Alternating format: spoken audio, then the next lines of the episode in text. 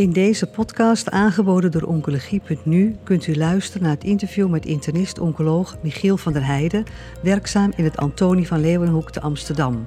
Aan bod komen de geüpdate resultaten van de IM Vigor 211. Deze resultaten zijn besproken tijdens het ESMO 2019-congres in Barcelona. Michiel van der Heijden, uh, je houdt uh, op ESMO morgen een verhaal over de Invigor-studie, de Invigor 211-studie. En, nou, misschien is het handig dat je eerst nog even vertelt wat houdt die studie precies in en wat hebben we tot nu toe al daarvan gehoord. Ja, dus de Invigor 211-studie die uh, bestudeert bij mensen die al platinum chemotherapie gehad hebben met gemetastaseerd urotheelcelcarcinoom of immunotherapie met atezolizumab beter is dan standaard chemotherapie. En bij standaard chemotherapie gaat het dan om een taxane of het middel vinfluline. Nou, die studie die, uh, heeft een aantal jaar geleden uh, gelopen en uh, daar zijn ongeveer duizend mensen in geïncludeerd. En de eerste analyse liet zien dat numeriek atezolizumab het wel wat beter deed, maar dat er geen statistisch significant verschil was in het primaire eindpunt. En dat is de PDL1 positieve groep. Nou, nu is er een... een, een basis geen voordeel op uh, overleving of progressievrije overleving? Uh, dit was op uh, overleving, overleving, was het primaire eindpunt. Ja, in de PDL1 positieve groep. Ja. statistische design was zo dat eerst naar de PDL1 positieve groep gekeken zou worden en vervolgens naar de hele populatie. Um, als het andersom was gebeurd had het misschien anders gelopen, maar dit waren de eindpunten van de studie. Um, ja, vervolgens is nu uh, een, uh, een uh, post-hoc analyse gedaan. Dus mensen zijn natuurlijk nog een tijdje gevolgd. Dat was niet een analyse die in het, per se in het statistische plan stond, maar denk ik wel heel informatief, omdat het middel ondertussen wel geregistreerd is. en dit is dus in een poster wordt, wordt dit gepresenteerd op, op ESMO hier.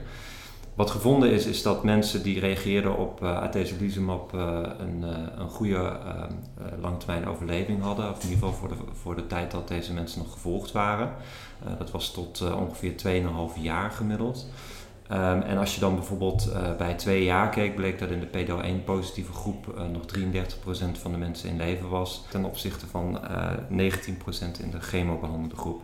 Als je naar de gehele groep keek, dus niet naar de um, ehm, PDL1 geselecteerde groep, dan was 23% van de immunotherapie behandelde patiënten nog in leven, ten opzichte van 13% in uh, de chemobehandelde groep. Ja, dat, laatste geeft ook alweer aan dat die PDL1, ja, wat moet je ermee eigenlijk dan? Hè? Dus, er zit wel wat verschil in, maar ja. Ja, wat is uh, eigenlijk de, de, wat er, nou ja, laten we zeggen, misgegaan is in deze studie, is dat uh, er eigenlijk van tevoren heel goed uitgezocht is dat mensen die PDL1 positief waren het beter deden op uh, immunotherapie. Dat bleek ook wel te kloppen, zoals je ook aan deze getallen ziet.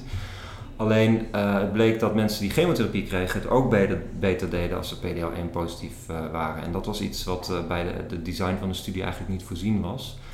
en daarnaast was het onderscheidend vermogen van PDL1 toch weer net iets minder dan, uh, dan dat we eerder gezien hadden.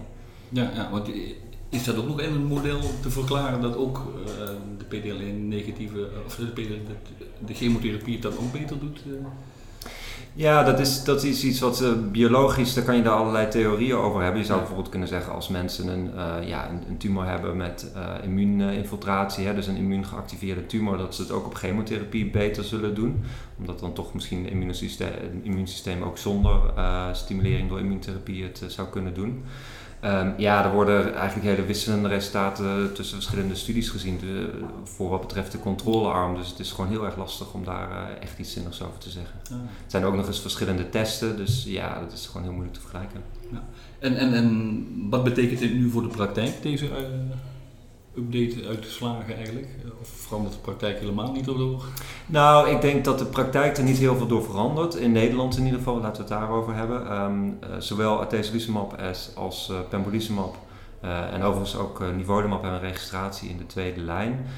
Alleen pembrolizumab is de, het enige middel wat een positieve gerandomiseerde fase 3 studie heeft. Um, en gewoon netjes op de eindpunten die ze van tevoren gesteld hebben positief is. En daarom is dat toch het middel van voorkeur in Nederland. Um, ja, het wil misschien wel zeggen, er zijn andere landen waar atezolizumab wel gebruikt wordt. Er zijn ook studies natuurlijk in Nederland geweest uh, met atezolizumab. Het wil wel zeggen dat de mensen die goed reageren op atezolizumab, dat die geen reden hebben om daarmee te stoppen, omdat die het ook op de wat langere termijn goed lijken te doen. Ja, want, is er nou een bepaalde manier om te zeggen, nou deze patiënt zullen we toch maar voorstellen om atezolizumab te gaan behandelen? Waar, op, op grond waarvan zou je dat in de kliniek dan gaan doen? Nee, eigenlijk heb je dat niet. Um, er is geen enkele manier waarop je, voor zover ik weet, zou kunnen onderscheiden van anti-PDL1, want daar hebben we het dan over. Het, uh, bij bepaalde patiënten wel zou doen en anti-PDA niet, of andersom.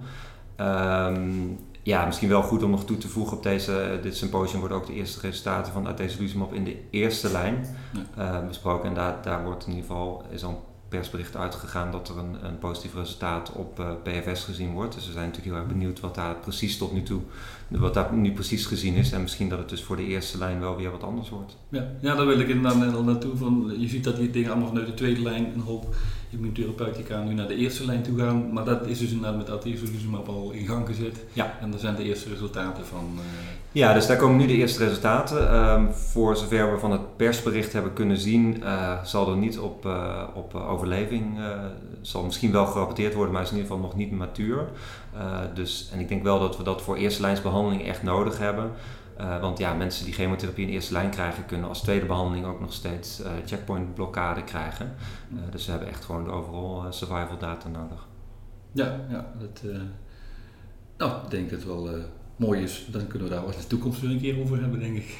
Absoluut, ja, we blijven natuurlijk doorgaan. Het gaat razendsnel. Dus nu zijn de studies eigenlijk maar net geïncludeerd in, de, in de eerste lijn gemetastaseerd. Maar ondertussen zijn er ook alweer studies opgestart in de neoadjuvant setting. Dus dat wordt ook weer een hele ja, een hele spannende ontwikkeling. Ja, want die, die, die zien we bij een heleboel uh, vormen van kanker nou ook komen. Dan, dan gaan we daarna weer, uh, nog eerder zitten dan een nieuw van. Wat is jouw eigen gevoel daarover? Van, is is uh, die hotelkanker daar ook een hele leuke voor, om dat in een heel vroeg stadium Ja, absoluut. We hebben daar ondertussen al data voor. Dus fase 2 studies met uh, atezolizumab en pembrolizumab, die ja, echt toch wel indrukwekkende resultaten al laten zien. Dat is voornamelijk wel in kleinere tumoren. Nou, wij presenteren hier de, de, eerste data van uh, ipilimumab met nivolumab uh, neoadjuvant.